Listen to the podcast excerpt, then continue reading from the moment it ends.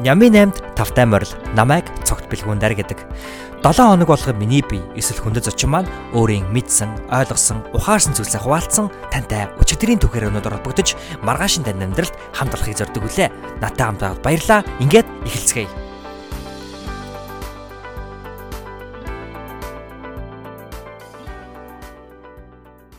За сайн байцгаана уу сонсогчдоо та бүхэнд энэ өдрийн мэндийг хүргэе.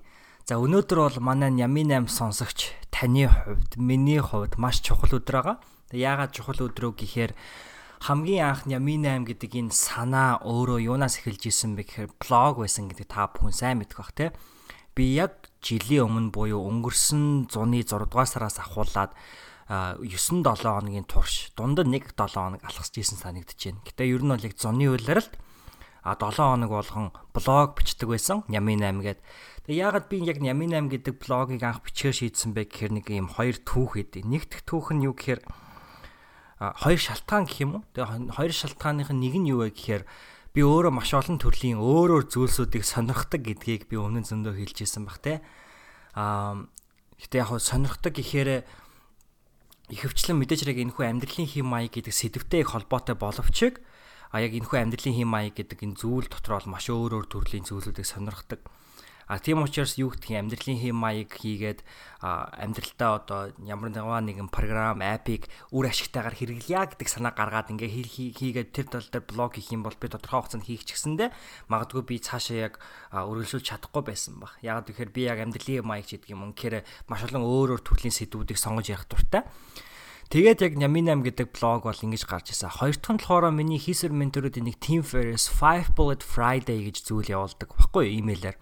Тэр зүйл нь имэйл дээр юу хийдэг вэ гэхээр 7 хоног болгон 5 дахь өдөр өөрийнхөө яг 7 хоногоос онцлог 5 зүйлийг явуулдаг байсан. Тэгээ тэр 5 зүйлд нь болохоор өөрийнх нь худалдан авсан хамгийн ухаалаг худалдан авал аль эсвэл тэр 7 хоног жингаа хамгийн их бодогдсон онч мэрэгэн үгс аль эсвэл Instagram дээр тавьсан постуудаас нь хамгийн их лайк авсан пост ч гэдэг юм уу. Иймэрхүү сонирхолтой зүйлүүдэд тавьдаг. Тэгээ надад тэр санаа нь маш их таалагддаг байсан. Тэгээ яг Ями 8 гэдэг энэхүү санааг а бол анх тэгж олж исэн юм байна. Тэгээд 9 дугаар явчаад зуны уйлрал явчаад намрын уйлрал бол бүтэн завсарлаад манай найз охин намрын уйлрлаас Америк нэгдсэн улсын Миннесота мужид оюутан болж ирээд хамтдаа оюутан болцоогоод хайрандаа шимпцгаагаад нэг сайхан намрын сайхан өдрөөд хамтдаа өнгөрөөгөөд юу сайхан контент гаргах те найз охинтойгоо цагийг сайхан өнгөрүүлэх гэх тийм уйлрал өнгөрсөн.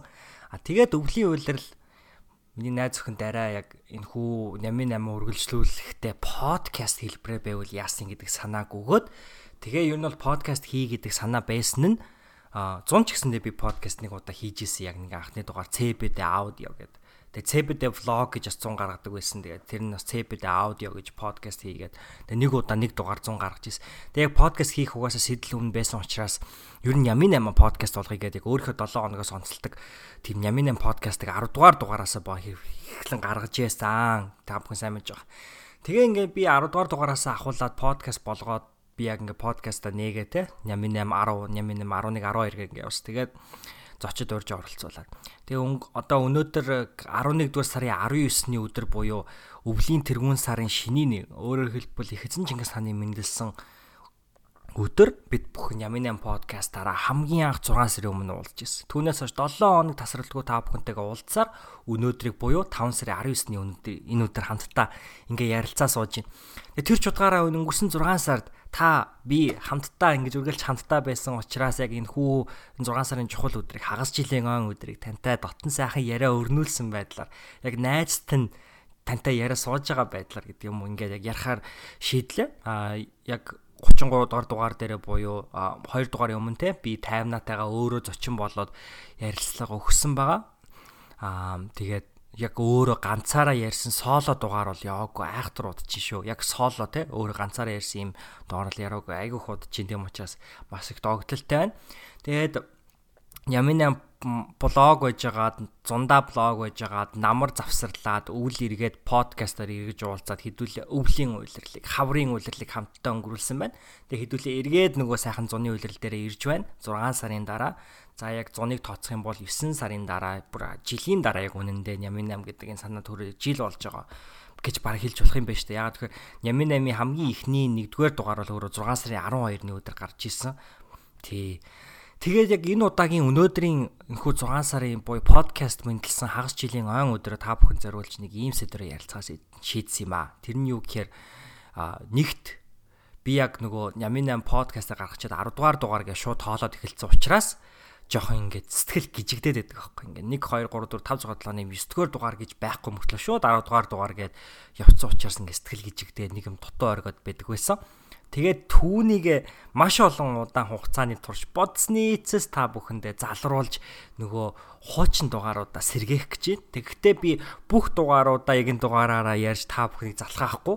А гэхдээ яах вэ гэхээр нэг сэдвийн дагуу ярина. Тэр сэдв нь юу гэхээр ямар амьдралын зөв зуршлуудыг ямар амьдралын зөв бодлуудыг сэтлүүдийг энэ зун өөрийнхөө амьдрал бий болгож зөв амьдралын хэм маягтай болж амьдралаа өөрчлөх вэ гэдэг сэдвийн талаар энэ энэ дугаараараа ярих гэж бодсон. А тэгээ ярихдаа би яг өмнө зун буюу 2016 оны 100 миний амьдралд хамгийн их нөлөөлсөн биш 2017 оны 100 шүү уучлаарай. Миний амьдралд хамгийн их нөлөөлсөн хамгийн зөв тэрхүү зуршлуудыг аа онцлогч байгаа. Тэгэхээр дугаар болгоноос би нэг нэг зуршлуудыг онцлоод нэг нэг зүйлсүүдийг нэг нэг онцлог зүйлсүүдийг онцлоод та бүхэндээ хүргэнэ гэж. Тэгэхээр бас энийг би өөрөөр энэ дугаараа нэрлээд байгаа юм да. Сонгодог Нямин 8 гэж. Яагаад тэгэхээр Нямин 8 бол өөрөө яг классик буюу сонгодог арга зам нь бол блог байсан. Яг одоо 7 хоногийнхоо онцлог одоо онч мэрэгэн үгс ч юм уу, онцлог мэдээ артикл ч юм уу, онцлог хийсвэр менторийн зааж сургасан сургамж сургаал ч юм уу эдгээр зүйлсүүдийг онцлдог байсан гэдэг утгаараа яг нөхөө сонгодог нями намиг бол явуулах гэж байна. Тэгээ энэ дээрээ маш их баяртай байна. За тэгээ ташрамд яг нөгөө сонгодог нями намийнхаа онцлог 8 зүйл рүү орохоос өмнө бас нэгэн гой зүйлийг дуулгахад та бүхэн мэдж байгаа те өнгөрсөн 7 хоногийн ням гарагт би сургуулаа төгсөө цогцлтынхаа баярт ороод а маш сайхан баяраа тэмдэглэсэн. Тэгээд ташрамд бас хэлэхэд а надад мэд хүргэсэн, баяр хүргэсэн бүх тэрхүү 100 хүмүүстэй баярлаа гэж дахин дахин хэлмээр байна. Аа тэгээд манай ойрын найз миний Америкт ирснээс хойш миний хойноос ирсэн 10 жилийн маа найз гэж хэлж байна. Хамт сураагүй гэтээ 10 жилдээ битгаар хамтдаа нийслэлийн хүүхдийн талаа газрын дэрэгдэхт нийслэлийн хүүхдийн холбоо гэдэг байгууллагт мөр зэрэгцсэн явж байсан лавгчр гэдэг найз маань байдаг. Тэгээ лавга маань надад яг энэ хүү төгсөлтийн баярыг минь тохиолдуулаад яг энэ хүү дугаарыг бичиж буй Blue гэдэг компани микрофоныг бэлэг болгон бэлгэлсэн. Тэгээд яг өөр найзынхаа хийдэг зүйлтэн зориулж энэ хүү сайхан бэлгийг бэлгэлсэндээ маш их баярлалаа. Тэгээ найзынхаа өгсөн тэр хүү гоё микрофоноор а энэ хүү шин дугаараа соло раундыг соло дугаарыг ингээд бичиж байгаа да маш их баяртай. Тэгээ лавгада дахин дахин баярлаа. Тэгээ хэдүүлээ ингээд Нямын 8-ынхаа а сонгодог Нямын 8-ын дугаар руу орцгоё. За тэгээд хуучин блог ахта айгу гоё шүү нэр толомч ингээ яг өмнө жил яг энэ хүн Ямын 8 гэдэг санааг анх төрөөд яаж явдаг байснаа та бүхэндээ яриангаа бас хамгийн онцлогуудыг нь хүргэх гэж байгаадаа маш их баяртай байна. Тэгээд Нямин 8 блог байхдаа бид яаж хийдэг байсан бэ гэхээр миний хувьд заавал нэг онцлог зөөрцсөн үгээр онч мэрэгэн үгээр Нямин 8-а дуусгадаг байсан. А энэ удаад буюу яг энэ хүү сонгодог Нямин 8 дугаараараа би та бүхэндээ ихлүүлэх гэж байна. Онч мэрэгэн үгсээр үгээр тийм ээ зөв үгээр. Тэгээд яг 9 дугаар дугаар дээр би санджийн Брюслигийн хэлсэн үгээр бол ихлүүлж исэн. Яг тэгэхээр ер нь бол нэвтрүүлгийн онч мэрэгэн үгээр ихлүүлэх нь зөв юм байна гэдэг Тэгээ түүнийгээ хадгалаад онч мэрхүүгээр эхлүүлэе гэж бодсон юм байна. Тэгээ энэхүү дараах үг онцлох гэж байгаа үгийг хэн хэлсэн бэ гэхээр миний хийсэр менторууд энийг болох Гэри Вейнерчак хэлсэн байгаа. Гэри Вейнерчак бол миний байнгын үздэг entrepreneur, businessman залуу байдаг, ах байдаг. Тэгээ Гэри Вейнерчак бит хоёр нөгөө дуцаар ирж исэн. Би Ask Gary V-гээ нэвтрүүлэгт нь оролцоод над руу залгаад тэгээ би Ask Gary Gary-гаас Gary-гаас гоё асуулт асууж исэн. Тэр утгаараа Америкт байгаа хамгийн алдартай entrepreneur хүмүүстэй яг харилцаж ярьж исэн тэр хүн бол Гэри. Тэр утгаараа бас Гэригийн нэвтрүүл яг хэлсэн үгээр та бүхэнтэй онцлох гэж байгаа да маш их баяртай. За Гэри юу гэж хэлсэн бэ гэхээр мөнгө, эрх мэдэл, алдар нэр, арх эдгээр нь хүнийг өөрчилдөггүй. Үнэндээ жинхэнэ төрхийг нь таниулдаг. Зарим хүмүүс мөнгөтэй болох тусам бусдад зориулж илүү ихийг бүтээдэг байхад зарим нь улам харамж хуваагч хийсэн болж хувирдаг. Энэ бол хүч тэдний жинхэнэ төрхийг илчилж буй хэрэг юм гэж хэлсэн ба. Тэг би яагаад Гаригийн хэлсэн энэ хүү үгийг онцлон нэвтрүүлгээ эхлүүлж байна гэхээр бид бүхэн сайн мэдж байгаа. Заримдаа бид нэр илүү хүчрэхэг, илүү мундаг, илүү гайхалтай болохоос айгаад идэг. Бусад хүмүүс намайг одоо маш их хичээхээр юугээ бодох бол юу гэж бодох бол те намайг одоо хинхэг гэх болов амбицлэг гэх болов гэд. Аль эсвэл би хитрхи мундаг байгаад хитрхи хичээгээд найзуудыгаа ч юм уу гэр бүлийнхнээгаа ч юм уу орхиод явчихаар би ганцаард нь аль эсвэл найзууд маань хойно үлдэн түүнээс болж миний найзууд муухай мэдрэмж авна те би илүү сайн яваад миний ойр дотны хүмүүс муу яваад би Түүнээс болж манай найзууд муу мухай мэдрэмж аавна, ойр дотных маань муу мухай мэдрэмж аавна гэх мэтчлэн бодлуудаас болж бид нар илүү сайн, илүү мундаг хүн болохоос хоош нь өөрсдөө татдаг. Тэгээ яагаад энэ онцлог үгээр би нэвтрүүлгийг эхлүүлэхийг хүсэж байна гэхээр таны өмнө өмнөө тавьсан маш том зорилго, маш том мөрөөдөл байгаа гэдэгт би туйлын ихтгэлтэй байна. Магадгүй таны ойр дотны хүмүүс тань таны мөрөөдлийг сонсоод юу солиороод байгаа гэж хэлмээр тийм агуу том мөрөөдөл байгаа гэж би итгэлтэй. Хэрэг танд тийм мөрөөдөл байгаа бол хүмүүс таны мөрөөдлийг сонсоод ямар тэнийгийн мөрөөд наа чи хизээж бүтэхгүй гэсэн хандлагаар ханддаг бол үгүй та харин ч улам тэр өөрийнхөө мөрөөдөлтөд итгэлтэй байгаасаа гэж би хүссэндээ яг энэ хүүгээр эхлүүлж байгаа. Тэгээ хоёр дахь шалтгаан нь юу гэхээр зуны амралтыг ялангуяа 8 сарыг те гайрын ингэж хэлсэн байдаг байхгүй юу? Стив Джоб биш ээ. Билл Гейтсийн хэлсэн үг гэж нэг хүмүүс хэлээд идэх те. Зуны үйлрэл бол бусдаас тасрах боломж юм а гэж. Тэг би яг энийг Билл Гейтс хэлсэн үгөг бол сайн мэдэхгүй байна. Аа гэхдээ Гаригийн нэг юм хэлсэн үг гэхгүй. 8 сар бол нэг бол бусдаас тасрах боломжтой сар, а нэг бол амрах сар гэж хэлдэг юм байна. Тэг яагаад үг гэхээр ер нь 8 сар гэлтгүү зуны яг энэ хүү амралт яг зуны энэ уран дулаан үйлрэл бол таны ойр дотны хүмүүс а одоо илүү их цагийг юу гэдгийг амарч өнгөрүүлдэг юм уу. За уучлаарай би буруу хэлсэн. Ойр дотны хүмүүс биш шүү. Гаригийн хэлэх гэдэг санаа юу гэх юм бол Гари өөрөө бизнесмен те бизнес зөвлөгөөнүүд өгдөг. Хэрвээ танд одоо янз бүрийн бизнес санаа байгаа бол те 8 сард таны өрсөлдөгч нар шүү уучлаарай. Ойр дотны хүмүүс биш. Өрсөлдөгч нар амралтаа авдаг. Зуны үйлрэл те хүмүүс ингээ амраад яваад өгдөг. А илүү цөөн хүмүүс зуны үйлрэлт илүү их амардаг хийж бүтээхээсээ илүү. А тиймийн учраас танд нэг бол бусад хүмүүс амарч бусад хүмүүс хоошоо сууж хооронд танд бусдаас тасрах тийм их боломж байна гэсэн юм ойлголт юм уу да. Тийм учраас би яг энэ хүүгээр эхлүүлж байгаа шалтгаан юу гэхээр зуны үйлрэл гэдэг бол таны тантай магадгүй өрсөлдөж болох амьдрал гэдэг бол өөрөө мэдээж хэрэг бидний амьдарч байгаа энэ нийгэмд бол маш их өрсөлдөөн буй гэдгийг бид бүхэн санал нийлэх бах. Аа мэдээж хэрэг бусдаас илүү болох гээд байгаа юм биш, бусдыг хол хаях гээд байгаа юм биш. А гэхдээ бусдаа угаасаа өрсөлдөж, зөв өрсөлдөж, өөрийнхөө хаана явж байгааг бусадтай харьцуулж одоо ойлгоно гэдэг бол мэдээж хэрэг бас нэг байх ёстой чухал зүйл тийм ээ. А тиймийн учраас та яг энэ хүү зуны үйлрэлд бусдаас хол тасрах уу, аль эсвэл бусадтай адилхан амарх уу гэдэг хоёр сонголт таны өмнө ирж байгаа юм болов. Бид бүхний өмнө, миний өмнө ч гэсэн. Тэгэхээр бас амарч болох үйлрэл. Ягаад үг гэхээр бусад хүмүүс угаасаа нэгэнт амраад сайхан цаг хугацаагаа таашаагаад те ингээд сайхан үр бүтээмжтэй биш ч гэлээ магадгүй юмыг хийж бүтээгээгүй ч гэсэндээ нөгөөтэйгүр гэр бүл анд найз ойр дотныхоо хүмүүстэйгээ цаг хугацааг зарцуулаад үнцэнтэй цаг хугацааг бий болох боломжтой. Тийм учраас яг энэ хүү зуны үйлрэл эхлэх гэж буу яг энэ цаг үе бол таны сонголтоо их хүмж.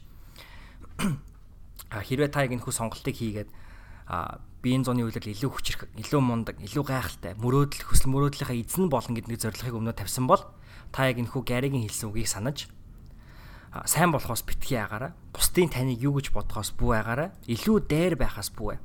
Миний Pacer менторууд энийг болох Brandon Burchard-ийн Motivation Manifesto гэж номон дээр хэлсэн байдаг. Та анд найзууд тань ойр дотны хүмүүсээс илүү мундаг болохоос битгий аа.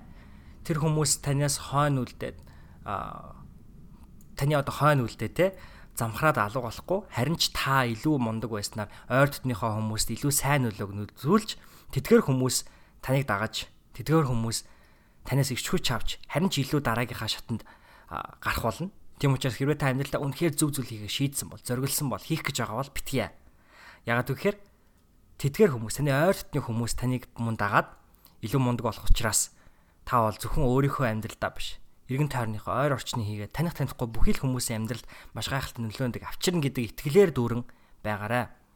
Та энэ зун маш амжилттай байж магадгүй мөнгө, альсвал эрх мэдэл, алдар нэр их хүч чадвар, шин шин гайхалтай амьдралын хэв маяг чадваруудыг амьдралдаа бий болгох боломжтой.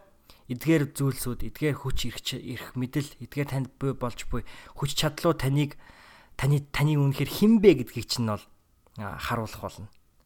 Роберт Кiyosaki-гийн номон дээр хэлсэг байдаг ч зарим хүмүүс мөнгийг тийм ээ эрх мэдлийг аливаа муу зүйлийн хүндэс гэж боддог бол зарим хүмүүс мөнгө тийм ээ эрх мэдэл хүч чадлыг бол сайн сайхны үндэс гэж бол хардаг. Ягаад гэхээр нэгэд нөгөөт нэг талаас харахад бол мөнгөтэй хүмүүс айгу мөнгөтэй эрх мэдэлтэй хүмүүс шундалтай гэж харагддаг ч гэсэн нөгөөтэйгөр бас өнөөдөр дэлхийд байгаа хамгийн одоо сайн сайхан тийм ээ зүйлсүүдийг мөнгөтэй хүмүүс бол хийж шүү дээ тийм үү бид бүхний сүүлийн үед айгүй их одоо үзий ядаад байгаа гэдэг юм уу айгүй их нийгмийн сөрөг хандлагыг өөр төр аваад байгаа Марк Зукерберг те Facebook-ийн үүсгэн байгуулагчдын нэг Марк Зукерберг Facebook-ийн CEO сүүлийн үед айгүй хүмүүсийн нүд үзүрлэгдээд байна. Гисэн хэдий ч Марк Зукерберг нөгөө талаас харуул өөрийнхөө бүх Facebook-т байгаа хувьцаа хөрөнгөнийхөө 99%-ийг хандвалсан байдаг. Ирээдүйн сайн сайн хүүр хүүхдэд хүүхдэд энэ төлөө.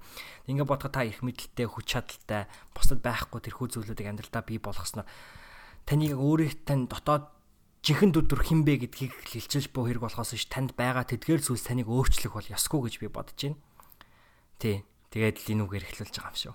Тэгээ яг энэ бол нэгдүгээр онцлог зүйл биш юм биш уучлаарай. Би яг 888 8 онцлог зүйлийг онцлогтой энэ сонгодог дугаараараа онцлог үгээр эхлүүлье. Гэтэ 9 дугаар явсан учраас яг онцлог зүйл маань өөрөө богинохон байдаг. Онцлог зүүр үг маань өөрөө богинохон байдаг учраас зүүрөөр эхлүүлээд яг 8 зүйлийг онцлог гэсэн ба. Тийм учраас эхний нэгдүгээр онцлог зүйл болохоор би 88 нэгдүгээр дугаар дээр онцлж байсан. Амжилт гинэ. Миний гаргаад байгаа амжилт. За энэ бол зуныхаа гүйлтийн программыг би 17 би 17 хоногийн өмнө гаргаад хэрэгжүүлээд гүгээд энэ пүр гарагт дуусгасан. Шин 7 хоногоос шинэ гүйлтийн програмд орно гэж хэлсэн байна. Тэгэхээр хаврын үйлрэл би маш сайн гүйжсэн төрөөж хаврын үйлрэл. Тэгээд Facebook-ээ хаагаад, Instagram-аа хаагаад өдрө болгон яг гүйдэг байсан. Яг 17 хоногийн турштай. Тэгээд яг энэ хүү гүйжих хугацаанд бол би баг амьдралтаа алдаж үзээгүй хамгийн их жингийг бол алдчихсэн. Тэгээ манай ойр дотны гэр бүл найз өхөн найзууд бүгдөө хөөх бэлхэн ямар айхтар турааваа гээл тэгдэг байсан. Тэгээ би ч гэсэн бүр ингээд мэдгэдэхгүй зайхтар турж исэн байхгүй. Тэгээ би яг гүйлт тийг ер нь бол яг онцолж байна гэхээр за мэдээж хэрэг жин хасахад тань туслах ч юм уу эдгээр зүйл байгаа. А би махбод тийм ээ холын зан гүйлт хийж сурахад бол таны одоо стамина буюу одоо удаан гүөх чадвар удаан биеийн тамирын дасгал хийх чадвар хийгээд биеийн жин эрүүл амьдрах юм маягт асрыг хөрөнгө оруулалт хийн гэдэгт бол мэдээж хэрэг туйлын ихтэлтэй. Гэтэ би яагаад энэ хүү 100 магадгүй та амьдралдаас гүйлтийг бий болгоосай гэж хүсэж байна гэхээр та заавал 40 минут гүөхсдэггүй. Та заавал 30 минут гүөхсдэггүй. Та гэхдээ өдөр зүгээр 10 минут гадаа гараад гүвэл хэрэгтэй гэж би бодож байна. Тэг яагаад үг гэхээр гүйлтийн гүйлтэр хичээлснээр танд дараах зүйлсүүдийг бий болгодсон болов гэж би бодож байна. А нэгт болохоор бүтээмж нэмдэг. Тэг бүтээмж нэмдэг гэдэг нь би юу ярьж байна гэхээр а гүүхийн тулд би маш их цаг хугацаагаа төлөвлөдөг байсан. А би бол өглөө нэг гүүж бол үдсэн гэхдээ өглөө нэг гүүх тийм дуртай биш. Ер нь өглөө биеийн тамирнаас бол хийдэг байсан. Тэгээ тэр нь бол нэг айхтар таараагүй жоохон ядраад идэг, өдөөс хойш ядраад идэг.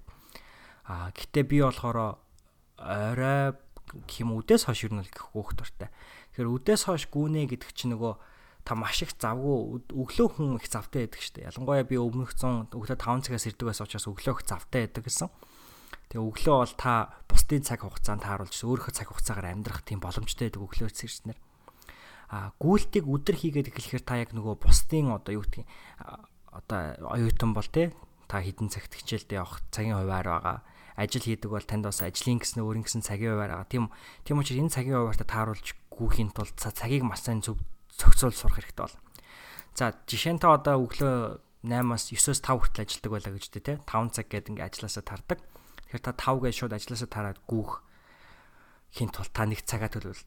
За ингээ цагаа төлөвлөлөө. Би болохоор яг намрын хаврын үйлрэл болохоор яг үдээс хойш гүдгээс ахгүй. Ер нь бол дөрвөн мөрийн хавцаа. Тэгээд би ингээд яг хичээлээ тарчаад гэрте орж ихэд яг дөрөв мөр болж идэг. Тэгээ би шууд орж ил гэрээс гардаг гэсэн. Аа тэгээд би нөгөө хичээлдээ явдаг учраас даалгавар энэ төр хийх хэвээр. Аа тэгээ би гүйсний дараа бүтээнч нэмрэгдэн юу хэлж байна гэхээр гүйсний дараа runners high буюу шинжлэх ухаан өөрөө батлаад байгаа. Гүйлтийн одоо хөөрөлт гэж орчуулах юм да. Тэгээд зарим хүмүүс бол гүүхэхэд бүр донтсон байдаг те. Ягаад гэхээр хүний биед эндорфин хийгээд бусад гормонууд тархинд ялгараад хүн их ад жаргалтай болдог. Түүнээс ахуулж шин санаа, гой гой одоо мэдрэмжүүд төрдөг гэдэг иймэрхүү зүйлсүүд байдаг штэ. Булгантай хийсэн Нямын 8 подкастт булгантай хийсэн яриа болон а болтоодоо хийсэн яриан дээр бас ярьж исэн. Тэгэхээр ер нь бол би бол яг хичээлээ хийхин тулд хичээлээ тарчаад гэртээ ирээд хуцаа солиод гарч гүүгээд тэгээд гүүчгээд бараг шууд усанд орохгүйгээр пейпер ч юм уу тийм ээ бичих бие даалт а эсэ байгаа шууд бичдэг байсан. Ягаад гэхээр яг тэрхүү runners high буюу яг тэрхүү гүйлтийн хөөрөлт бол хүнд асрах гой шин санаануудыг төрүүлдэг. Тэгээ гүйж явахтаа ч гэсэн маш олон шин санаануудыг бие бие болгодог байсан. Тэгээ болж игэл ер нь бол гэртээ орж ирээд гүйчэд гэртээ орж ирээд шууд одоо тэмдэглэлийн дээр бариад ч юм уу. Гүйж явахтаа төрсэн шин санаа эдгэр зүйлсүүдэд тэмдэглэж авах. Хийх ёстой хичээл байгаа бол тэдгэр зүйлсээ хийх. А хийж байгаа төсөл ажил байгаа бол тэдгэр зүйлүүдийг хийх мэтчлэн олон давуу талууд бол байдаг. За дараагийн нэгэн зүйл нь юу гэх юм бол мэдээж хэрэг удаан гүгээд хэлэхээр та өөрөө өөрийгөө ялан дийлэх мэдрэмж бол авдаг сэтгэл судлаачид бас юг нээсэн байдаг гэхээр хүн өглөө эрт сэрснээр 5 цагт ч юм уу те бусдын нэг сэрээд ирдэггүй цагт сэрснээр 6 цагт ч юм уу тийм хүн угсаа сэтгэл зүйн хувьд бусад хүмүүс унтчих үед хүн сэрчгээр цаанаасаа одоо далд хомсор буюу одоо доод хомсортай хүн ялан дийлж байгаа тийм мэдрэмжийг авдаг. Түүнтэй адилхан та маш удаан хугацаанд 7 хоног ч юм уу тасалдаггүй гэхэд бол та энэ 7 хоног би тасалдаггүй чадсан шүү гэд ялалтын мэдрэмжийг бол өөртөө бий болгодог шүү дээ. Тэгэхээр би та бүхнээсээ эдгээр шалтгаануудын улмаас энэ зуны үйлрэлд өөртөө бас гүүх тэрхүү сэтлийг аа өөртөө бий болгоосаа гэж хүсэж байна. Тэгээд энэ зуны үйлрэл хэрвээ та бас хамтдаа гүүх сонирхолтой байгаа бол хүмүүстэй хамтдаа гүүх сонирхолтой байгаа бол энэ зун магадгүй хэдүүлээс хамтдаа гүйлтийн тийм баг гаргаад хамтдаа гүйдэг байж болно Улаанбаатар хотод. Тэм учраас та хэрвээ тгий сонирхож байгаа бол бэлгүүнцэг.com руу ороод BILL хоёр хэлтэй guunc.com гэж ороод яг энэ хүү блогийн энэ хүү подкастын блог руу ороод сэтгэгдэл дээр нь оролцох хүсэлтэй аваад комент бичээрэй. Би тэгээд та бүхний нэгтгэхэд нэг баг болгоод Улаанбаатарт хамтдаа гүүх тэрхүү боломжийг бас би болгож болно. Хамтдаа гүүх ялангуяа ганцаараа гүүхээс гадна хамтдаа гүүх бол ер нь бол гүйлтээр гүйлтийн спортоор хичээлдэг хүмүүс гүйлтийн спортоор хичээлдэггүй хүмүүстэй харьцуулахад илүү аз жаргалтай байдаг гэж байгаа байхгүй. Тэдгээр аж аргалтай байдаг шалтгаануудын дөрвөн шалтгаан байдаг нэг тийм блог байсан. Тэр дөрвөн шалтгааны нэгдүгээр бараг шалтгаан нь юу байсан бэ гэхээр гүйж байгаа хүмүүс босод босод хүмүүстэй айгүй их гоё нийгэм одоо харилцаа бий болгодог. Бусад хүмүүстэй нэтворкинг хийдэг.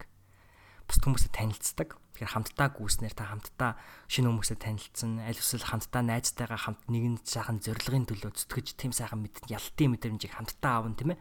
Тэгэхээр маш олон давуу талууд байгаа. Тэм учраас хэдүүдээс гүйлтийн спортод дамжуулж хамтдаа гүгээд хамтдаа гоё гүйснийхаа дараа шин санаануудаа уралдуулаа тийм ээ. Магадгүй гоё шин санаанууд хамтдаа бий болгоод эсвэл ням гаргийн 8 цагт хамтдаа гүдэг ч юм уу. Нямын 8-ын гүйлтэх тийм ээ. Иймэрхүү гоё гоё зүйлүүдийг хамтдаа хийх боломжтой энэ зуны үйлрэл тэм учраас бэлгүүн блог руу ороод комент бичээрэй гэж та бүхэн хүсэж байна.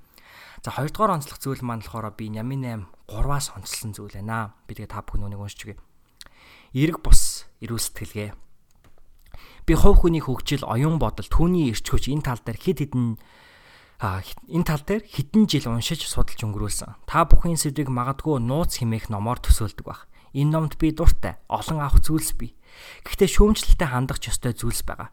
Миний бодлоор одоо барууныхны шинжлэх ухааны хэмжээнд нь хөгжүүлж яриад байгаа энэ бодлын хүч чадлыг монголчууд аль эртнээс л мэддэг байсан. Санаа зөв бол заяа зөв гэдэг үг л дүгнчихэж байгаа биз? Гэвч монголчууд бид эерэг бодож байна. Сайн сайхан зүйлсээр л төвлөрч байна гэд асуудал бэрхшээлээ зүхтаад яваад идэг билүү.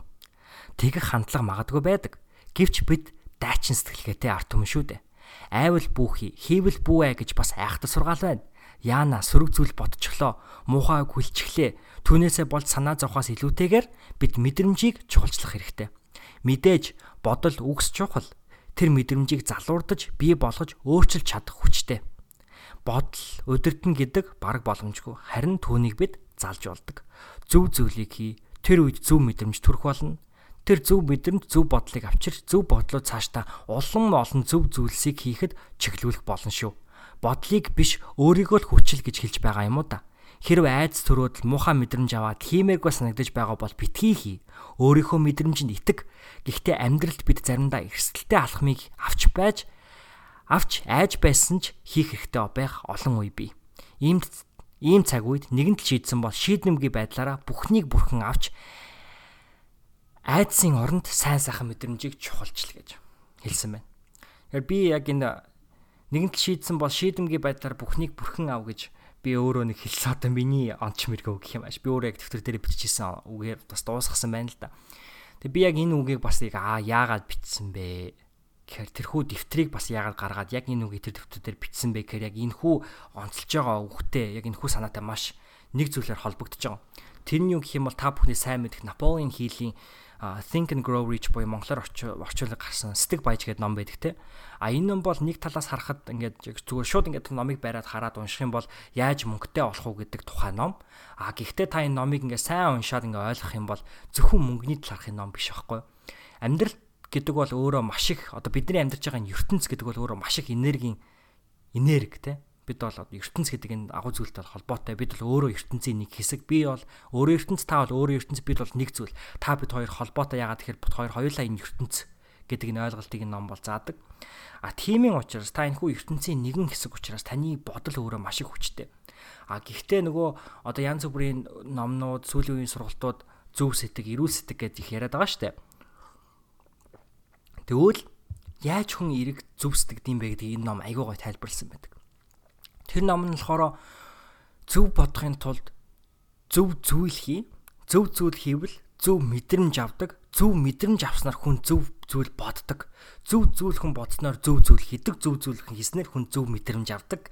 Зөв мэдрэмж авснаар хүн зөв бодлыг боддог гэд.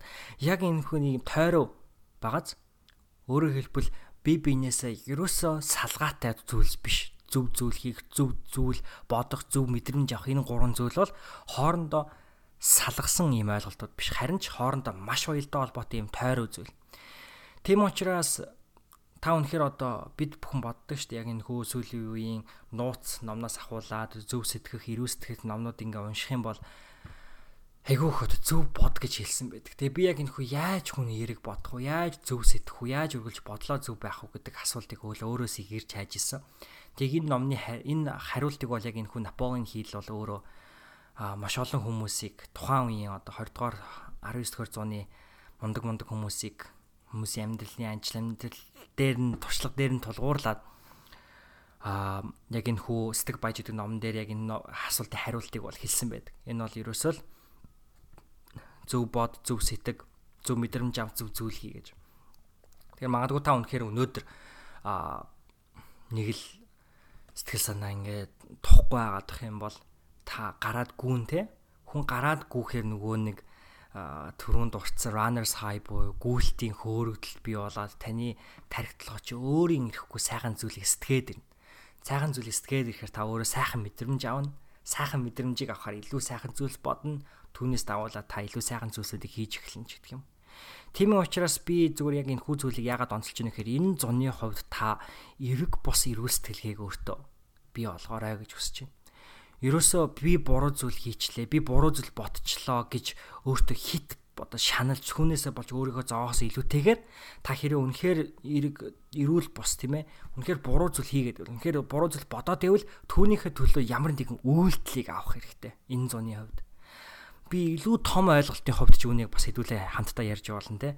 Хэрвээ та ерөөсөө энэ өнгөрсөн 18 он гарснаас хойш нэг л амьдралтаа зөв зүйлүүдийг хийгээгүй юм шиг амьдралдаа амьдралынхаа зөв хэв маяг их зөв зуршлуудыг амьдралдаа бий болгоогүй ч юм шиг тийм мэдрэмж аваа. Тэр мэдрэмж тэр бодолдоо шаналаад яваад байгаа бол та магадгүй энэ өнгөрсөн одоо хичээлийн улирал учээлийн жилд та нэг тийм сайн амжилттай сурч чадаагүй бол яагаад та яг одоо яг энэ цаг мөчид үйлдэл хийж энэ зуныг өөрийнхөө амьдралыг оронгоор нэргүүлсэн тийм зам болгоод тэр бодолтой тэр мэдрэмжтэй шаналхын оронд ямар нэгэн зүйл хийгээд тэр хийсэн зүйлсээс урам зориг авч дараагийн амьдралынхаа бүлгийг илүү гайхалтайгаар эхлүүлж болохгүй гэж гэдэг санааг энэ 2 дугаар зүйл дээр Нями 8-ийнхаа 3 дугаар блогоос онцлж хүрхийг хүссэн юм аамаа.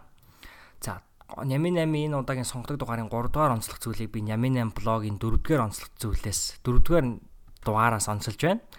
А тэр нь болохоор баримтлахыг хичээж буй зарчмууд гэж байна. За, Америк нэгдсэн улсын үүсгэн байгуулагчдын нэг зохион бүтээгч гээд гоншнын дуусахгүй Бенджамин Франклин 20 настайдаа амьдралын ариун зарчмууд гихчийг зохиосон юм. Түүний зорилго нь ёс суртахуун өндөр, зөв зан чанартай, хув хүн болж төлөвшөх байсан. Тэрээр өөрийн дэвтэртээ орой бүр өөрийгөө дүгнэж зөрчсөн зарчмуудынхаа дэргэд нэг цаг тавин тэмдэглэж иржээ гэсэн байна. За тэгээд энийг та бүхэн бичсэн байдлаар нь олж уншихыг хүсч ивэл бэлгүүнцэг.com руу ороод хоёр те а Нямын 8-ын дөрөвдүгээр блогийг олж уншаарай. Дөрөвдүгээр онцлог зүйл нь байгаа. Уг блогийн. Тэгээд тэрхүү Бенджамин Франклины зохиосон 13 ариун зарчим юу вэ гэхээр нэгт альвааг тааруулах, дэлбэртлээ идэж хөлчүүрхтлээ уухгүй байх. Хоёр үг цөөн байх. Хэрвээ өөртийгээд өрөөл ташигтай зүйл яриаггүй бол амаа амаа хэмхэх, үр ашиггүй харилцан ярианаас зайлсхийх. Гуравт имх цэгц. Байх ёстой юмыг байранд нь хийх ёстой юмыг цагт нь хийх. 4. Шийдвэр төгс байдал. Хийх ёстой зүйлээ заавал гүйцэтгэлгүйхээр гүйцэтгүүлэхээр зориглох. Зорьсноо алдаа мадаггүйгээр гүйцэтгүүлэх. 5. Ариг гам. Аривч шамгач байж юухч бүү өөр гагцхүү өрөөлийн төлөө хийгээд өөрийн сайн сайхны төлөө зарцуулах. 6. Ажил хөдөлмөрч. Цагийг бүүр, цагаа үргэлж хэрэгтэй зүйлд зарцуулах, бүхий л хэрэгцээгүй үйл хэргийг үгүй хийх. 7. Шулуун шудраг бүү хор хөнөөлтөө арга зайл хэрэгэл. Гинэн цайлганаар бас шударгаар бод яр үйлд. 8 шудраг ус шийдвэр гаргахтаа өөрт ямар ашигтай вэ гэдэг дээр бус харин юу зөв бэ гэдэг дээр тулгуурлах. 9 хүлээцтэй байдал. Хэн нэгэн таныг бие махбодын хувьд ч юм уу сэтгэл санааны хувьд ч юм уу яаж ч гомдоосон эсвэл өвтгсөн байх хамаагүй хүлээцтэй төвчээртэй байж уучлах өшөөх чадвартай бай 10. Цэвэр цэмцгэр. Бэйха хувцас хунар гэр орон бүхнээ үргэлжийн цэвэр цэмцгэр байлгах. 11. Амар амгалан. Аахар шаахар асуудалч тэр янз бүрийн гинтийн осол эндэгдэлтч тэр бүү сэтгэлийн амар амгалан байдлаа алд. 12. Бие арих. Өөрийн хийгээд өрөөлийн амгалан тайван байдал нэр хүндийг тачаал шунлаасаа болж бүү өмөл. 13. Даруй төлөв байдал гэж байгаа бурхад хийгээд эрдэмтэн мэрэгдийн үгийг сонсох даган дуурах гэсэн байна. За энэ хүү 13 зүйлийг би маш дээр үе сонсч ирсэн. Ер нь л Америкийн хов хүний хөгжлийн салбар ялангуяа эрэгтэй хүмүүсийн хов хүний хөгжлийн салбарт бол яг энэхүү Бенджамин Франклин зохиосон 13 амьдралын ариун зарчмыг бол их онцолдог. Би тэгээд энийг ташрам зүгээр юу хэлхийг хүсэж байна гэхээр зүгээр нэг зүйлийг та бүхэнд сануулж хэлхийг хүсэж. Хүн болон төгс биш. Америк нэгдсэн улсын үүсгэн байгуулагч дэлхийд даяар нэрээ цууратуулсан энэхүү улс төрч, философч, зохион бүтээгч, шинжлэх ухаанч, зохиолч, принтер одоо хэвлэгч энэ Бенджамин Франклин гэдэг хүн бол өөрөө бүр хэлсэн байдаг. Энэ 13 зүйлийг би амьдралдаа бүр яг түүхс бол болгож чадаагүй. А гэхдээ хамгийн чухал ололт амжилтанд юу вэ гэхээр түүхс болохын төлөө хичээсэн тэрхүү хичээл мэрэлт нь хамгийн чухал байсан гэж хэлсэн байдаг. Тэгэхээр Бенджамин Франклин яг энэхүү 13 ариун зарчмыг би номноос нь уншиж хахад юу гэж санаж байна гэхээр Лонд Америкаас Лондон руу аялж явах маш удаан урт хугацааны одоо усан замин дээр явж байгаа аялалтай энэхүү аяллахаа үед өөртөө яг 20 настайдаа зориулж биччихсэн. Тэгэхээр өөрийнхөө үе тэнгийн залуус хүүхд залуучуудаа би бас юугд урайлж байна гэхээр энэ зуны үйлрэл тийм ээ та өөрийгөө юу н ирээдүйд ямар байгаагаар харж гин ямар зарчмуудыг баримталдаг ямар зөвхөн болохыг хүсэж гин заавал Бенджамин Франклин энэ 13 зарчмыг гэлтгүү. Та юу нэг Монгол хүний хувь тийм ээ? Монгол залуу хүний хувьд амьдралдаа ямар зарчмуудыг хэрэгжүүлэхийг хүсэж байна? Тэр зүйлсүүдэд жагсаагаад өөрөөсөө өдөр болгон асуугаад үзэж болно. Манай сонсогчд аягүй гоё. Яг Няминан подкастыг сонсчоод энэ 8 асуултыг тэмдэглэлийн дэвтэр дээрээ бичээ тэмдэглэл хөтэлдэг хүмүүс маш олон байд юм байлаа. Тэг яг манай Няминан подкаст дээр асуудаг 8 асуултыг өөрсдийнхаа 7 хоног болгоны эцэст ч юм уу альвсан өдрийн төгсгөлд өөрсдөөсөө асуудаг. Тэр түүнтэй адилхан та өөрийнхөө амьдралд ямар зарчмуудыг, ямар ариун зарчмуудыг бий болгомоор байна. Түүнийгээ зохиогоод түүнийгээ а өөрийнхөө амьдралд хэрэгжүүлээсэй гэж хүссэндээ яг энэ зуны үйлрэл тийм ээ гэж хүссэндээ энэ хүү зүйлийг энэ сонгодог Нямын 8 дугаарынхаа 3 дугаар зүйлийг болгон онцолж байна гэж. Та бүхэнтэйгээ ярьж байхдаа сайхан цайгаа уугаад, ногоон цай уугаад сайхан ингэ ярьж ин тэгээ соло раундыг ингэж яваагүй удсан байна. Ингээ гоё байна яг өөрөө ингээд дангаараа ярьж байгаа учраас яг л сонсогч тантай яриад сууж байгаа юм шиг айгу гоё юм. Тэгээ тийм учраас бас үүнийг харилцан яриа байлгахыг хүсэж байгаа. Тийм учраас та бүхэн энэ хүү онцолж байгаа зүйлсүүдээр юу санаа сэтгэл юу байна? Та бүхэн заавал манай блог руу ороод бас надтай сэтгэлээ хуваалцаарай. Альцуулан дор мессеж бичээрэй гэж хүсэж байна. Та бүхэн бас би Яминан подкастынхаа сүүл рүү нэгэн бас бэлгийг зардлага болон 6 сар тохиолдож байгаа учраас тэрхүү бэлгийг бас та бүхэн сонсоосоо гэж хүсэж байна надтай хамтаж. За дөрөвдүгээр онцлог зүйл. Энэ болохоор би Ямин 8 подкастын биш блогийн 5 дугаар дугаар дээр онцлсан байна. За тэгээ 50 буй зориг гэсэн байна. Шин сар гарлаа. 7 сар маань сайн байна уу? Би уг наадмаар Монголдо байх тун дуртай. Хачин гоё шүү. Даанч энэ жилдээ Америкт наадамлж өнгөрөөх гэж байх шиг байна. Сонноос 7 сарын 4-нд Америкийн нэгдсэн улсын бас тусгаар тогтнолын баяраа тэмдэглэдэг. Улс орон даяараа салют буудуулж тэмдэглэдэг заншилтай гэж байгаа. Та бүхэндээ сонирхолтой байж магадгүй гэж бодоод тэр өдөр влог бэлтгэе гэж бодож байгаа шүү. 7 сарыг би 7 ахих 7 сар гэж хувьдаа тунхаглаад байгаа юм. Миний олон хийсэр менторууд нэг болох Тим Феррис болон Льюис Хоуснер та 10 жилийн дотор хүрнэ гэж байсан зорилгодоо 1 жилийн дотор хүрнэ гэж тэгвэл яах вэ гэсэн асуултыг байнга өөртөөсөө асуугаад өөртөөсөө хийгээд өрөөлөөс асуудаг. Хариулт нь ёстой үгүй хизээ чадахгүй гэж хэлмээр энэ асуулт өөрөө тун хүчтэй. Гэтэ бид нар яг үнэндээ маш хурдан богино хугацаанд амжуулах боломжтой зүйлсийг хид хоош нь тавьж сунгаж харанхуугаар тооцоолон хийдэг байж мэднэ. Иймд зарим үед та хүрхээр төлөвлөж байгаа зорилгоудаа ойрын хугацаанд амжуулах гээд зүтгээд үзэхэд буурах юм байхгүй. Заавал 100% амжилтанд хүрэх угаас албагүй. Надад зорилгодоо хүрэхээр зүтгэж буй процесс нь өөрөө хамгийн сайхнаа санагддаг. Том зорилго тавиад түүнийгээ эхлүүлнэ гэдэг өөрөө нийт замынхаа хагасыг туулсантай адил. Иймд 7 сард багтааж хойшлуулж байсан зорилгодоо 7 алхан ойрторой надтай хамт гэсэн байна. За яг энэхүү онцолж байгаа зүйл магадгүй яг энэхүү подкастын бас хамгийн гол санаа байж болно.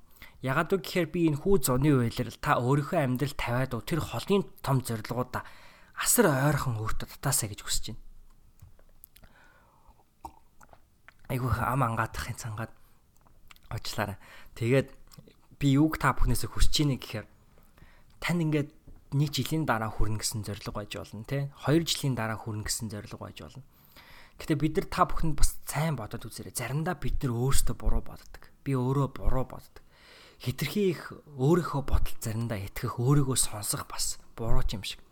Тэр ягаад гэвэл бид заримдаа зарим нэгэн зүйлийг маш их одоо нухацтай болцсноос болж байгаа хэмжээнээс нь илүү одоо нүсэр илүү сонжирсан гэдэг юм уу тийм ээ.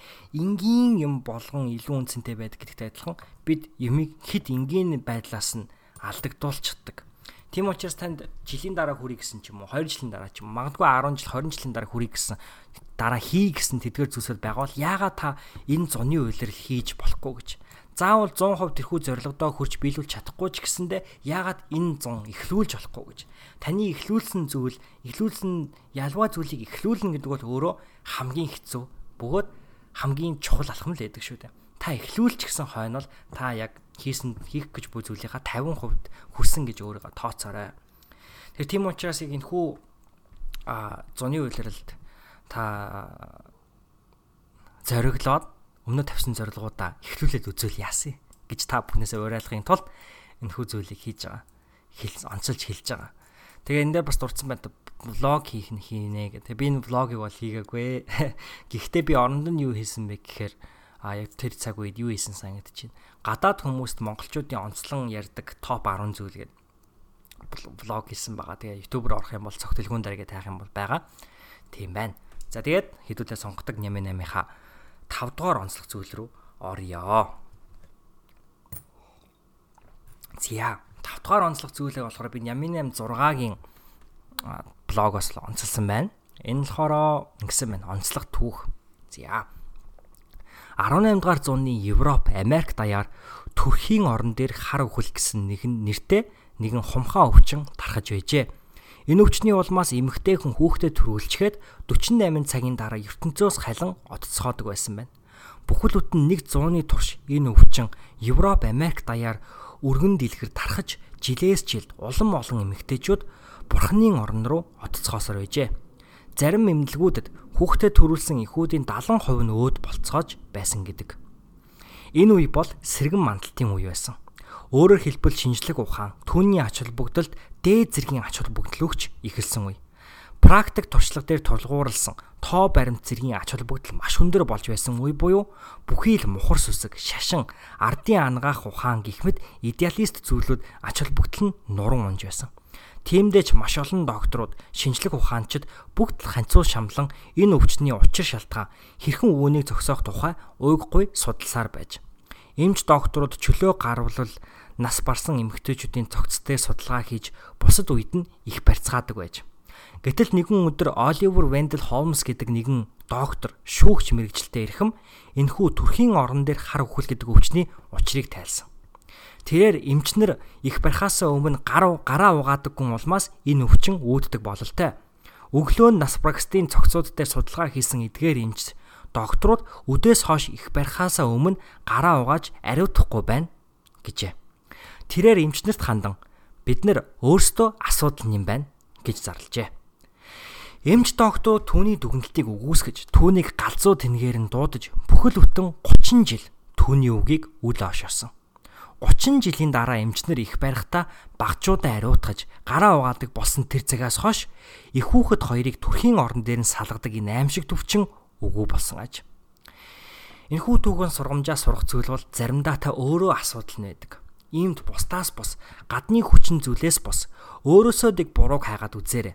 Өөрийнхөө үйлд эзэн байж амьдралынхаа залуурдагч нь байгаарай гэсэн байна. За би энэ хүү Нямин 8 6-гийн блогоос онцолж байгааг энэ хүү онцлог түүхийг та бүхэндээс яга хэлж байгааг та бүхэн ер нь шууд ойлгож байгаа те. Энэ хүү зуны үйлрэлд та бусдаас одоо учир шалтгаан хайхаас илүүтэйгээр өөрөөс учир шалтгаан хайгаарай. Ер нь яагаад та өнгөрсөн жилүүдэд хэрэг үнэхээр хүссэн хэмжээнд байж чадаагүй бол эсвэл таны амьдралд тань шийдэх ёстой асуудал байгаа бол бусдаас гарц хайхаас илүүтэйгээр бусдаас учир шалтгаан хайхаас илүүтэйгээр өөр дээрээ төвлөрч өөр дээрээ ажиллаж өөрийнхөө хийж чадах зүйлүүдийг тодорхойлж түүн дээрээ ажиллаас ажилласаа гэж хүсэж байна. А дараагийн нэгэн зүйл нь та бүхэндээ уриалж байгаа юу зүйл нь юу гэх юм бол бас мөн бусны үгийг сонсч сураасай. Тийм ээ? Та бүхэн сонсдгоо гэж хэлээгүй шүү зүгээр сануулж байгаа шүү. Яагаад гэхээр миний хувьд ч гэсэндээ заримдаа бусдын үгийг сонсоогүй маш чухал зүйлүүдийг үйл аашуулсан ч гэдэг юм уу. Чихний хажуугаар санамсаргүй байдлаар өнгөрөөд гарах тохиолдлууд зөндөө байдаг тийм тухайн үед нь магадгүй өөр зүйл бодож исэн байж болно. Тухайн үед нь өөр санаа зовх зүйл баста байсан байж болно. Гэхдээ хэдүүлээ энэ зун илүү энэ цагтаа амьдарч эргэн тойронд маань юу болж байна? Энэ хүмүүс ер нь бидэрт юу хэлэх гээд байна? Тийм ээ эндгээр зүйлсүүдэд маш сайн болгоомжтой анхаарал тавьж ертөнц бие бидэрт ямар мессеж өгөх гээд байгаа энд маш сайн анхаарал тавиасаа гэж та бүхэнд уриалж байна. Энэ хүү зуны үйлрэл таны амьдралыг өөрчлөх бас тийм нэг үйлрэл байх болтугай гэж бас хүсэж өрөөж байна гэж. За хэдүүлээ ингээд сонгодог 88-ийнхаа 6 дугаар дугаар руу орцгоё. Уучлаарай 6 дугаар сонгодог зүйл рүү орцгоё. За 6 дугаар онцлог зүйл маань болохоор Нямин 8 блогийн 7 дугаар зүйлээс онцлсан байна. Энэ болохоор иргэн сэргээж буй зуршил. Би 2015 оны 100 зуны үйлрэл 7 хоног бүрий 1 эсвэл 2 7 хоногийн өмнөөс төлөвлөж өнгөрөөж байсан. Тэр цагаас хойш ерөнхийдөө 7 хоногийн төлөвлөгөө гаргах нь зуршил болчихсон байсан юм. Гэхдээ сүүлийн үед хүн өөрийн удирдлага хяналтандаа байлгах хэрэг гээд хэрэггүй гэж үзээд төлөвлөгөө гаргахаа болчихсон. Тэгсэн тэр нь бас сул талуудтай болохыг анзаарсан. Тэгэхэд эргээд 7 хоногийн төлөвлөгөө гаргаж эхэлсэн. Гэтэ илүү сул чөлөөтэйгээр. Өмнө нь тухайн өдрийн 17 цаг 30 минут нь юу хийж байхад ч төлөвлөжчихсэн байдаг сул талтай байсан. Та манай найз хүн бит хоёрын гаргасан хугацаа үржүүлэгч цаг төлөвлөгчийг энд энд дарж татан авч 7 хоногоо төлөвлөхөд хэрэглээрэ гэсэн байна. Зя. Энэ юм байгаа. Яг энэ хэлж байгаагаар би 2015 оны зунаас ахуулаад аа би яг айхтар төлөвлөгөө гаргаж бол эхэлж исэн. Тэгээ төлөвлөгөө гаргана гэдэг нь болохоор бүр яг 7 хоног 2 7 хоногоор ингэ төлөвлөждөг. Ингээ календарыг Excel дээр гаргадаг байсан хгүй. Excel юм Google Sheet ашиглаад. Тэг одоо өглөөний 10-аас 12 цагийн хооронд ийм зүйл хийн, тэдээс тэдэн цагийн хооронд ийм зүйл хийн гэдэг ингээд. Тэгээ бүр ингээд өнгөний кодчлын систем хэрэгэлдэг. Өөрөөр хэлбэл одоо манай миний хичээлдээ явах цагууд синхр өнгөтэй ч юм уу, биеийн тамирын засаглаар хичээллэх цагууд нь улаан өнгөтэй ч юм уу Тэгээ хоолоо идэх цагууд нь ногоон өнгөтэй ч юм уу нэг иймэрхүү. Тэгээ ингээм яг тухайн үеийн миний календарыг та харах юм бол ерөөсө цагаан орон зай байхгүй байж болно. Тэгээд та бүхэн тийм зүйл харна маш ихээр.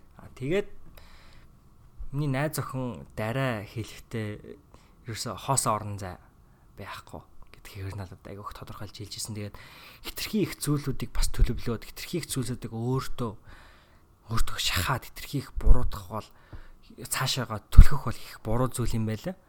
Тэгэхээр би одоо яг өөрийнхөө алдаа зүтгэл дээр харахад бол яг юу маш сайн төлөвлөгөө гэхээр мэдээж хэрэг өөрийнхөө 7 хоногийг төлөвлөх бол маш чухал. А би өмнө нь Excel sheet дээр хийдэг байжгаад маа найз охин Google календар хэрэгэлдэг. Тэгээ би найз охиныхаа дуурайгаад Google календар хэрэгэлдэг болсон. Тэгээ Google календар бол маш гоё. Та 7 хоногийнхаа ер нь бүгд бүхий л зүйлүүдээ тэр календар дээр оруулж болно. Тэ өглөө хэдэн цагт сэрэх үү? За тэгээ өглөө сэрчээд өглөөний хэрвээ та dig рутинтай болох гэж байгаа бол өглөөнийхаа тэр дадал зуршил дээр юу юу хийхээ гэдгээ нөт дээр оруулаад бичиж бол нэг тухайн өдрийнхаа зүйл дээр. А ер нь ийш тийш аялга бол тэр аялах зүйлүүдэд оруулчих болно. Хідээс хідэн цагийн оронд уулзалттай, хідээс хідэн цагийн оронд сургалтын суугаа, хідээс хідэн цагийн оронд хоолоо идэх гих мэтчлэн зүйлсүүдээ ингээд оруулж байгаа зүгээр хэрэгтэй. Хинтээ уулзах, хаана уулзах. Тэгэхээр бүх мэдээллүүдэд оруулах ёстой таны календар дээр хов хоосон байвал таны ирээдүй үр бүтээлгүй хов хоосон байх өндөр магадaltaй. Тэгэхээр та календар дээр юу тавина тэр зүйл биелэлээ олдог. Энэ бол үнэхээр үнэн. Тийм учраас календар нэгт хэрэглэх нь маш чухал. А хоёр дахь чухал зүйл нь юу гэх юм бол календар дээрээ та над миний алдаг бүү тавтаарай. Хоосон цагаан завилдэ. Brendan Burchard миний хийсэн менторуудын нэг подкаст дээр хэлжээс ахгүй. Leave white spaces. Тэг яагаад вэ гэхээр энэ хүү цагаан орон зайнууд буюу одоо яг ингээд календараа ингээд хийх ёстой зүйлүүдэд биччихлээ те. Тэгээ зарим хэсгүүд та ингээд зур хоосон цагаан зай байна. Юу ч төлөвлөөгүй. Энэ зайнууд та юу ч хийж болно. Гэр бүлдээ цаг зав гаргаж болно, кофе шоп ороод ганцаараа цагийг өнгөрөөлж болно, найз нөхөдтэйгээ гадуур гарч болно, кино үзэж болно, найз охинтойгоо найзлуудаагаа цагийг өнгөрөөж болно. Юу ч хийж болно. Гэтэ энэ магадгүй нэг талаас харахад та цагийг айгу үр бүтээлгүй өнгөрөөж байгаа юм шиг харагдах магадгүй ч гэсэндээ тэгж харагдчихийж магадгүй ч гэсэндээ яг үнэндээ энэ бол таны амьдралыг аж жаргалтай болгодог чухал зүйл. Зөвхөн ажил ажил ажил гэд ингээ явах юм бол амьдрал өөрөө хэцүү дээ шүү дээ. Тэгэхээр яг юмний нөгөө балансыг буюу тэнцвэрийг олох хэвээр тэр тэнцвэрийг олоход туслах зүйл бол энэ хүү цагаан орон зай. Тэгэхээр өөрийнхөө календар дээр цагаан орон зайг бас бий болгоорой гэж хүсэж байна. За энэ хүү дараагийн бит хоёрын дурдсан зүйл скетэн төслөөс бүтээн гаргасан хугацаа үржүүлэгч цаг төлөвлөгч гэж зүйл байгаа. Энэ хүү зүйлийн одоо дизайныг болохоор дараа маань надтай хамт маш олон удаагийн оролдлого дээр бол гаргаж ирсэн зүйл.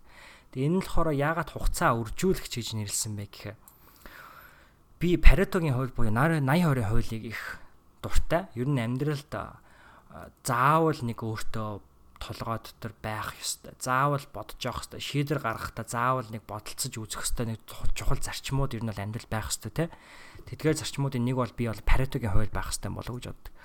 Тэгэхээр таны одоо өмнө хийх ёстой 10 зүйл байлаа гэж үтээ өнөөдрийн хувьд. Тэгвэл та яг үнэхээр нь хийх ёстой 10 зүйлийн аль хоёрыг нь ч юм уу хийвэл таны амьдралын хамгийн одоо эдийн засгийн хувьд хамгийн чухал үр нөлөөг 80%-ийг нь аль хоёр зүйл авчрах вэ? Аж жаргалтай амьдралын хувьд 80%-ийг нь аль хоёр зүйл нь авчрах вэ? Аль 20% нь авчрах вэ гэд асуун тий. Тэгээ Паретогийн хууль юу гэж тайлбарладаг гэх юм бол таны одоо амьдралын аж жаргалын 80% нь таны хийж байгаа 20 зүйлийн зүйлээс шалтгаантай байдаг. Таны амьдралын аж жаргал таны нөхөрлөлт найзалдаг хүмүүсийн 20%-аас л шалтгаантай байдаг. Тэгэхээр тэр 20% хэн бэ? Гэдэг зүйлүүдийг та амьдралаа тодорхойлох хэрэгтэй гэдэг. Энэхүү хугацаа үржүүлэгч гэдэг зүйл нь ямар авир ашигтай вэ гэхээр а үнд гурван хэсэг байдаг. Тэгээд тухайн одоо project буюу одоо янз бүр амьдралдаа бий болгож байгаа төслүүдэд төлөвлөх нэг хэсэг. За тэгээд амьдралдаа үн цэнийг бий болгох нэг хэсэг, амьдралдаа үн цэнийг бий болгох нэг хэсэг нь юу хэлж байна гэхээр ямар ямар зүйлүүдийг унших уу, ямар ямар хүмүүстэй уулзаж ярилцах зүйл байгаа байлаа. Ямар зүйлсүүдийг зайлшгүй хийх ёстой байгаа байлаа. Гэх мэтлэн зүйлсүүдийг чагсаах юм хэсгүүдтэй. Тэгээ энэ хүсүүдийг бичээд та яг амьдралдаа яг энэ өдөр тийм ээ хамгийн чухал зүйлүүдийг бичээд яг тэр зүйлүүдийг хийх тэрхүү одоо багаж зэвсэг юм байгаа. Яг энэ хүн хугацаа үржүүлэгч гэдэг зүйл бол Тэгэхээр энэ бол яг PDF байдлаар байгаа. Та бүхэн а би яг бэлгүүн блог дээр оруулчихъя. Айлсэл та 2018 7 дугаар подкаст руу блог руу ороод бэлгүүн.com руу ороод уншиж болно. Тэн дээр яг линк байгаа. Татаж аваарай гэж уриалж байна. Тэгээд бас үүнийг манд хэрэгэлдэг асар удаан хэрэгэлсэн хүмүүс ч байгаа. Тэгээд тэр хүмүүстээ бас маш их баярлалаа гэж хэлмээр байна. За тэгээд сонгодог дугаарынхаа 7 дугаар онцлог зүйл нь юу гэх юм бол Нямин 8 блогийн 8 дугаар онцлог блогоос онцолж байна. Энэ болохоор онцлог хичээл гэсэн байна. Зя. Ингэсэн байна. Миний хамгийн анхны хийсэр ментор гэж хэлж болох Брэндон Буршартын 5-7 хоногийн тусгай онлайн сургалтыг би энэ 7 хоногоос эхэлсэн юм. Түүний хамгийн анхны хичээлдээ тэрээр эрүүл оюун санаа, healthy mind гэж жохом юу болох тухай заасан. Эрүүл оюун санаа гэдэг нь түүний тодорхойлолтоор эрх чөлөөтэй, ухамсартайгаар чиглүүлсэн эргээр холбогдсон байхыг хэлэх аж. Эрх чөлөөтэй гэдэг нь хүний оюун бодол, айдас хийгээд шаналлаас үргэлжид хол байх учиртай. Өөрөөр хэлбэл та ирээдүгөөс болж айж санаа зовлтгүй мөн өнгөрснөөс болж шаналж өөрийгөө буруутгаж амьдрах учиргүй. Харин та гагцхуу энэ цаг мөчид амьдрах учиртай. Амьдрал бол энэ мөч. Ухамсартайгаар чиглүүлсэн гэдэг нь бид оюун бодлоо сул тавиад явуулчихдагд байгаа юм. Мэдээж хэрэг бид байнгын өөрсдийн бодлоо захирч хянаж байх учиргүй. Гэвч бид тогтмол өөрсдөөсөө яг юу одоо бодож байна, эрэг зүйлс бодож байна уу, мэдэрч байна уу гэдгээ асуух учиртай. Харин эргээр холбогдсон байна гэдэг нь таны гадаад орчиндөө үзүүлж буй нөлөөг хэлнэ. Та юу бодно, юуг дотроо тунгаад түүнээс хамаарч таны гадаад ертөнц рүү илгээж буй мессеж тань өөр байна. Иймд та оюун бодлынхаа удирдлагыг галтаан авч инээмсэглэж, эргэн тойрноо таашааж, хүмүүстэй ярилцаж, инээлдэж, хамтдаа сайн сайхныг бүтээгээрэй гэсэн байна. За тэгээ энэ хүү зүйлийг би яагаад бас онцолж бичиж байгаа вэ гэхээр эргээгээд нөгөө сайныг үйлдвэл сайн бодол бий болно, сайн бодол бий болвол сайхан мэдрэмж авна, сайхан мэдрэмж сайн бодлыг бий болгоно гэдэгтэй холбоотой. А тэгээд яг энэ хүү холбоо нь танд яагаад маш чухал вэ гэхээр а энэхүү эргээр холбогдох буюу эргэн тойрон ертөнцтэй холбогдох нь их чухал. Би яавал нэг шашинлаг хүн бол биш. А гэтээ би бол сүнслэг хүн гэж хэлнэ. Англиар spiritual гэдэгтэй. Тийм учраас хүн өөрөө та таны одоо эргэн тойронд үзүүлж буй нөлөө маш чухал. Ягаад гэхээр та ертөнцид та эргэн тойронд гаргаж байгаа мессеж тань эргэн тойронд үзүүлж байгаа тэр нөлөө тань эргээгээд тань дээр эргэж ирдэг. Та тэгэхээр ертөнцөөс юу авмаар вэ те?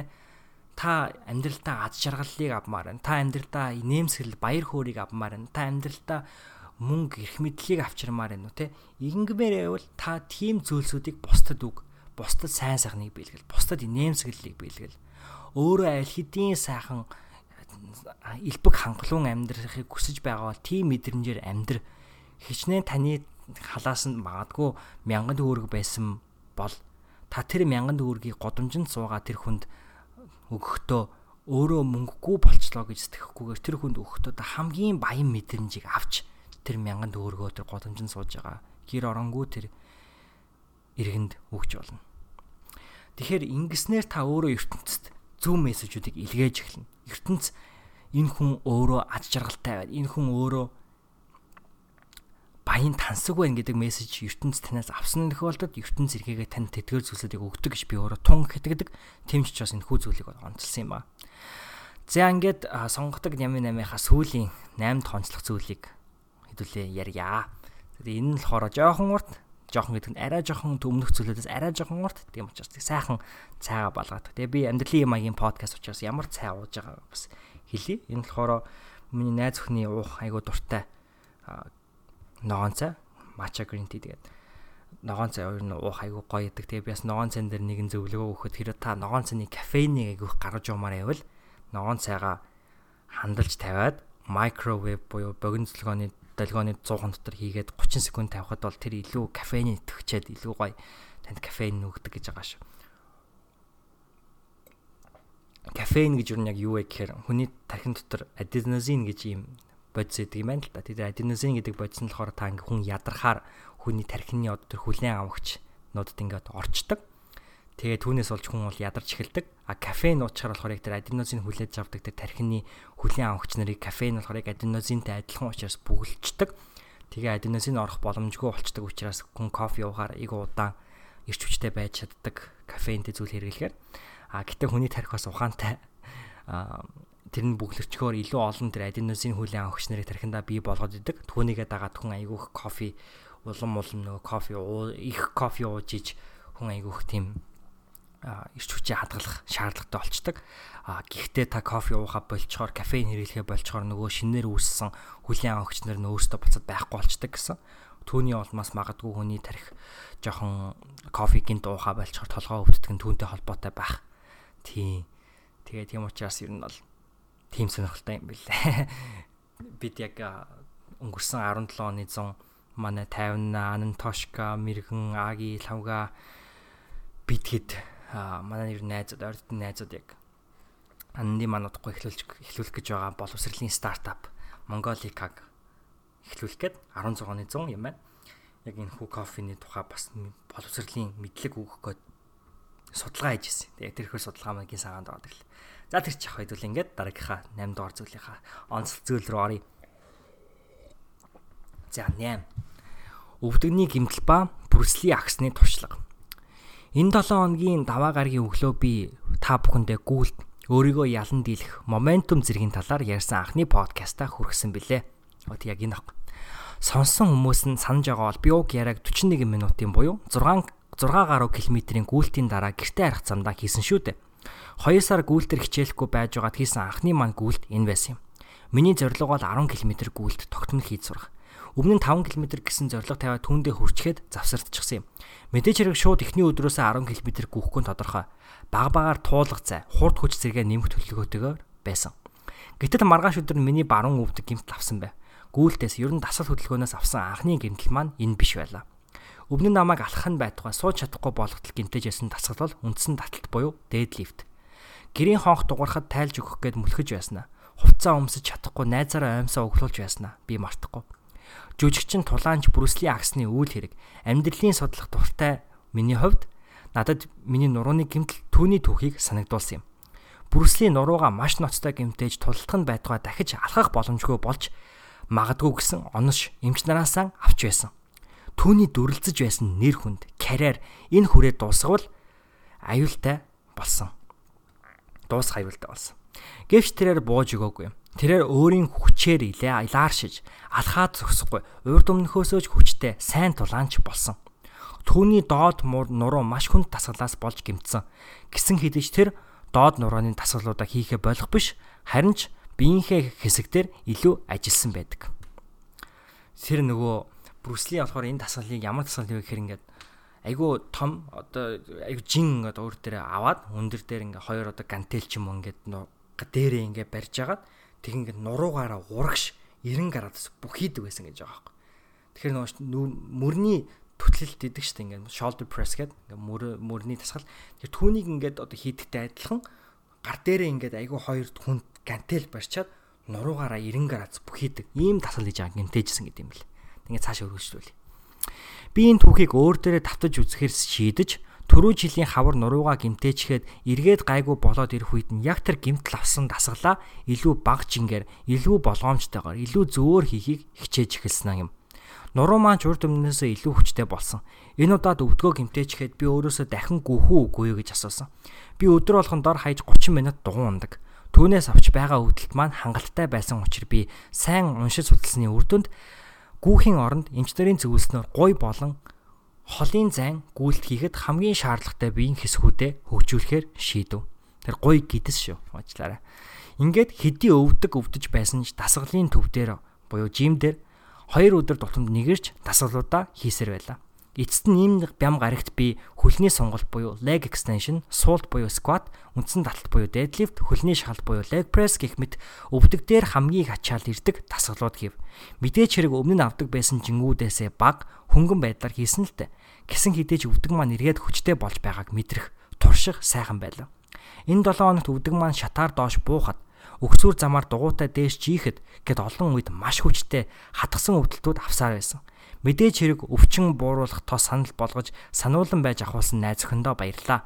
За тэгээд энэ туршлагаасаа эцэст нь сануулах зүйл бол та зориг тавиад ямар нэг байдлаар тэр зоригдоо хүрэх боломжгүй болвол аль эсвэл илүү хугацаа юм уу өөр нэгэн зүйл шаардах шаардлагатай болвол битгий шантраараа тавьсан зоригдоо тууштай байж яг төлөвлөсөн бодснороо хүрнэ гэж зүтгэхээс илүүтэйгээр уян хатан байж зөв системийг олох нь хавьгүй зөв шүү.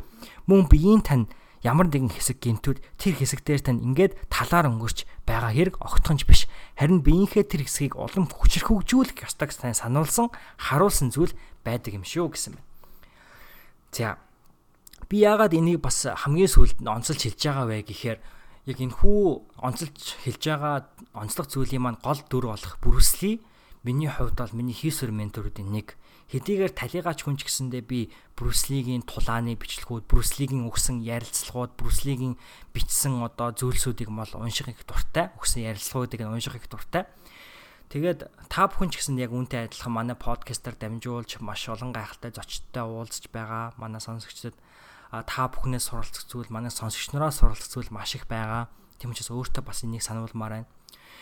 Аа маш олон зүйлийг бид бүхэн уншдаг, сонсдог, янз бүрийн мэдээллийг бид хүлээж авдаг.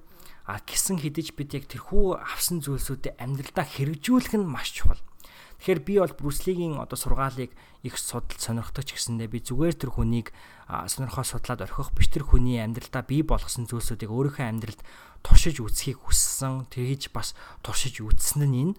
Тэгээ тийм учраас би зүгээр өөрийнхөө одоо яг энэ хүү гимтэл дээр ч юм уу өөрийгөө яаж буцааж эрүүл болгосон түүхээсээ илүүтэйгээр та таны ч гэсэн амьдралд өөрийг тань байнга сонсдог тиймэрхүү хийсэр менторууд, таны аав ээж тийм ээ зөвлөгөө өгдөг тийм менторууд байгаа шүү дээ. Тэр хүмүүсийнхаа танд хэлж байгаа зөвлөгөөнүүдийг энэ зун заавал хэрэгжүүлээд үз. Тэр хүмүүсийн хэлж байгаа зүйлсүүд үнэхээр буруу байвал битгий хий. А гэхдээ шүүж дүнхээсээ төрүүлээд та бүхэн яг оролдоод үзээсэй гэж хүсэж байна. Тэгээд эцэст нь бас хэлэх яг энэхүү онцлог зүйл дээр зориулж хэлэх зүйл юу гэхээр аа тасгал хөдөлгөөний хувьд бол мэдээж хэрэг гимтэл маш их байдаг.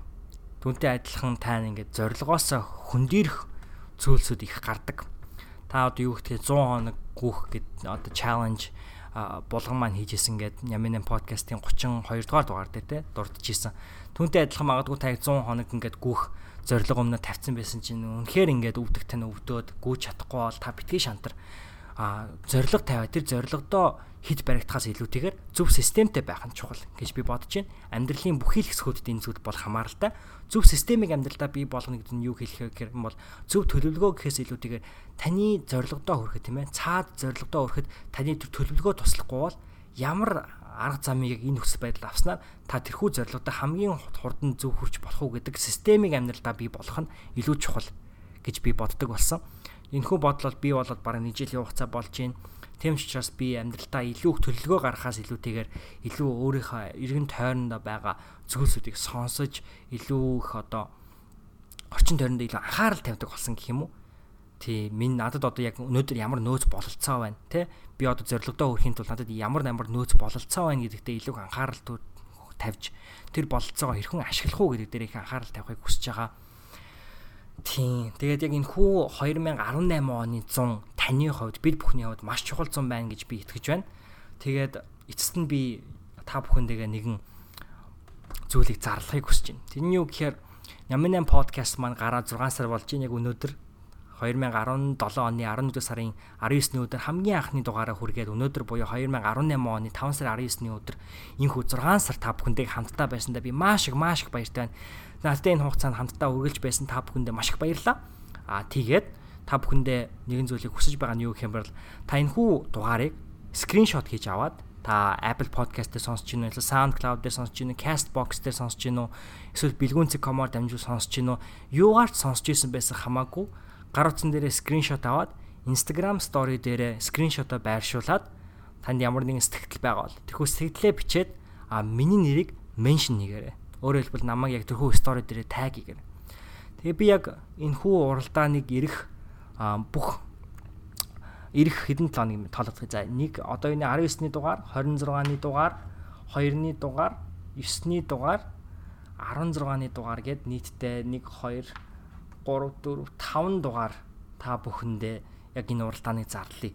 Тэгээ 5 дугаар дарааллуулаад та бүхэн яг энэ хүү сонсож байгаа дугаараа скриншот хийгээд намайг меншн нэгээрэй. Тэгснээр та манай Ямин 8 подкастын зүгээс Skeleton төслийн зүгээс зарлж байгаа нэгэн уралдаанд орох эрхтэй болно. Тэр уралдааны бэлгийг би та бүхэндээ зарлана. Тэгээ миний хувьд яг энэ зон эх орондоо зуны хамралтаар очиж байгаа. Тэм учраас та бүхэнтэйгээ тэр үед уулзахдаа тэр уулзах боломж боломжийг бий болгоно. Тэгээд тэрхүү боломжийг бий болгоод яг энэхүү уралдааны ялагч нарт нэгэн гой гарын бэлгийг өгөх юм ба. Тэрхүү бэлгийг бол яг одоогийн байдлаар нууцлыг. Гэтэ 5 хүн 5 хүнд яг бэлэг өгнө шүү. Тэгэхээр яг дугаар болгоноос нэг хүнийг сонгож авах юм байна. Тийм учраас та бүхэн энэхүү подкастыг сонсоод скриншот хийгээд Instagram story тавиад story дээр тавиад намайг меншн нэгээрээ би та бүхнийг тэмдэглэж аваад а яг 5 дугаарын дараа энэ дугаарыг оролцуулаад 5 дугаарын дараа ялагч нараа зарлаа та бүхэндээ нэгэн гайхалтай бэлгтэйгээр уулзах болно. Тэгээ хэдүүлээ 100 бас уулзъя. Тэгээ надтай өнгөрсөн 6 сард хамтаа байсан маш их баярлаа. Тэгээ ашгүй нэг сайхан Ямин 8 блогийнхоо нэгээс 9 дугаар дугааруудыг инхүү подкаст руу хөрвүүлээд сонгодог Ямин 8 хийсэндээ маш их баяртай. Соло дугаар яваагүй их утсан байна. Тэгээ надтай энэхүү дугаарыг энэ дуус хүртэл хамт байсан танд маш их баярлаа. Тэгээ яг энэхүү подкастыг энэ дугаарыг бичсэн энэхүү микрофондо баярлаа. Энэхүү микрофоныг бэлгэлсэн лавгада баярлаа. Мөн өнгөрсөн 7 хоногт миний төгсөлтийн баяр дээр ирсэн. Надад мэдчилгээ дэвшүүлсэн дэлхийн үнцэг болон бүрт байгаа найзуудтай, сонсогч нартай, ах эгч нартай, дүү нартай та намайг таньдаг таньдаггүй бүх хүмүүстээ маш их баярлаа. Тэг миний амьдралд утга учирыг үргэлж бий болгодог энэхүү подкастыг хийж ихтүүлэх сэдлийг өгсөн найз охиндоо намайг яг өдөө хүртэл үсгсэн аав ээжтэй гэл хүн болгондоо хүн болгондоо дахин дахин баярлаа гэж хэлмээр байна. Тэгээ энэ зуны үйлрэл та хамгийн шилдэг нь байж чадаарай. Хамгийн шилдэг нь болоорой гэж та бүхэндээ хүсэж байна, уриалж байна. Тэгээ хамтдаа илүү гайхалтай өөрсдийнхөө зөв амьдралын хэм маягийг бүтээхийн тулд хамтдаа зүтгэцгээе. Энэ 2018 оны 100 Нямын 8 сонсогчдын Сэхэдэн төслийн сонсогчдын 100 бах болно. Баярлаа. Баяртай.